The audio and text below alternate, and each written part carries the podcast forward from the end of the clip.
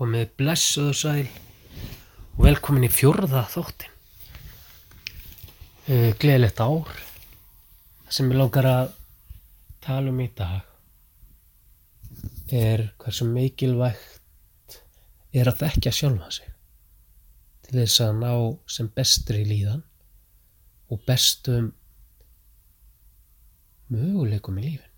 Þannig að við fæðumst á sig og okkur öllum að gefa tækifæri. En spurning hvernig fræðislu fáum við til þess að þekkja okkur sjálf og vita hvernig hugur okkar virkar og geta nota hugan á sem skilvirkasta hátt. Vegna þess ef við, ef við viljum sjá breytingu heiminu þá þurfum við að breyta okkur sjálfum því maðurinn er skapandi vera og okkur er gefið ímyndunarafl og sjálfs ímyndun vegna þess að maðurinn hugsaður í myndum, ekki orðum þess vegna þurfum að vera á varbergi hvað við leipum inn í meðvitundina því, því það fer ofan í undir meðvitundina ég er að skrifa, skrifa bók og ég ætla að lesa svona einn og hálfum á kapfla úr þessari bók. Og, og hefst þá lestur. Alheimskraftur. Það er eitt mjög mikilvægt fyrir því leksandi góður að vita. Og það er það að einra með þér hefur þú að geima alims kraft sem gerir allt sem þú óskar þér. Hvort sem það er gott eða slemt, það fyrsta sem þú kæri lesandi þarft að átta þig á er að þú hefur allatíð nota alims kraftin ómeðvitað. Þennan kraft eru við að nota og þessi kraftur er sístarfandi. Alims krafturinn sér til þess að ljáta hjartað í líkamæðinu slá, sár gróa, hárin vaksa, blóðið streyma um æða líkamæðins, fæðun að meldast á, á þess að við þurfum nokkuð tíman að hugsa um það. Alims krafturinn er störfum með að ég sitt hér í gulastólnum mínum og skrifa þessa línur. Hugsanir og ímyndanir.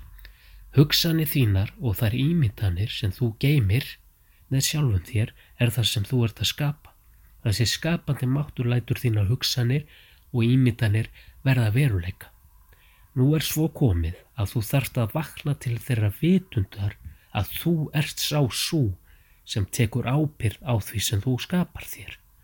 Svo best er að átta sig á því að fara að hugsa meðvitað, að velja þínar hugsanir meðvitað og á farsældan hátt. Það er einmitt hér sem við bregðumst okkur sjálfum oft á tíðum og gefumst upp fyrir okkar rótgróna vana. Til að breyta vennjum þarf það að vera meðvitar meðvituð þegar uppið staði er ekki um neina hefni og óhefni að ræða. Heldur þær hugsanir sem þú hugsar núna í dag. Ef þú kæri lesandi staldrar ögnum við, setur í kyrð og leifir hugsunum að streyma líkt og fljót, þá sérðu hvernig þú meðvitundin ert áhorfandi af þessum hugsanaströymi og getur á þessu augnabliki eftir að stjórna hugsanagangi þínum meðvitað. Og þá kemstu að því er virðist furðulegt í fyrstu ef venst með tímanum að þú sjálf sjálfur ert meðvitundin og þú skapar allt í þínum heimi. Að vita við erum á bakvið nöfnin okkar sá kraftur sem getur gert þær hugsanir og ímyndanir að veruleika sem við óskum okkur. Og þá skiljum við að við þurfum að vera meðvituð um hvað við hugsum, hvaða, hvaða ímyndanir við byrjum innra með okkur, af okkur sjálfum og um heiminum. Þetta krefst aga og þetta er ekki alltaf auðvelt, ég hef talað um það hér áður, en allt er hægt með óendanleiri þúlimæði. Með, með þrautsegu af vopni og þúlimæði getum við breytt öllu til betri vegar. En það er okkar að taka ábyrða hugsunum okkur og ímyndun til þess að okkar ímyndani verða veruleika.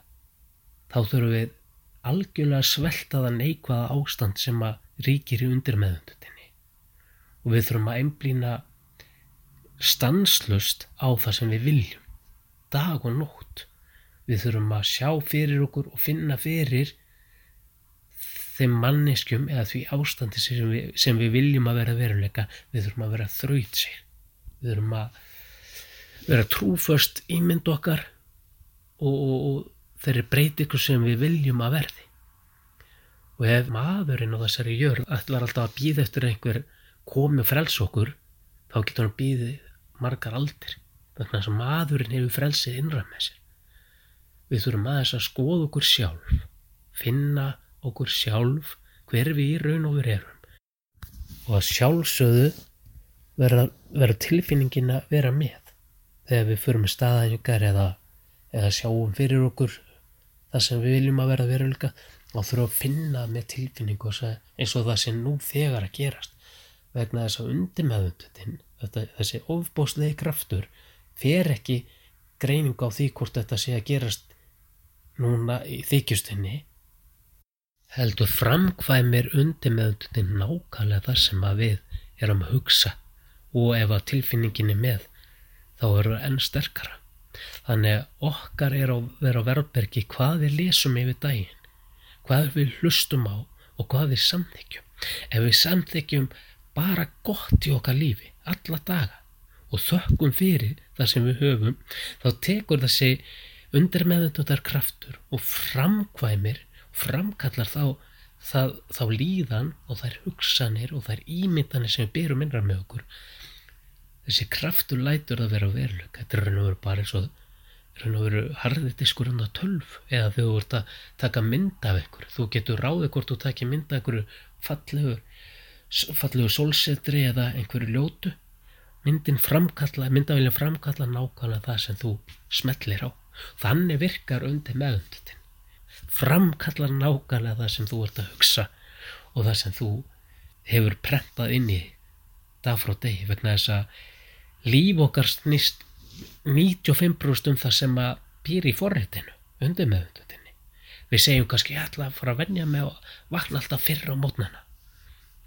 En ef við gerum ekki rótæka breytingu meðvitar og gerum þetta í nokkur skipti, þá kemur undir meðundun og segir að nei best að snúsa bara, það er svo gott að sofa aðeins lengur. En þarna þurfum við að vera ákveðin og meðvitu og segja, heyrðu, nú fer ég á fætur og ég ætla að gera þetta í tíu dag eða 21 dag eins og sagt er að undir meðundundin þar.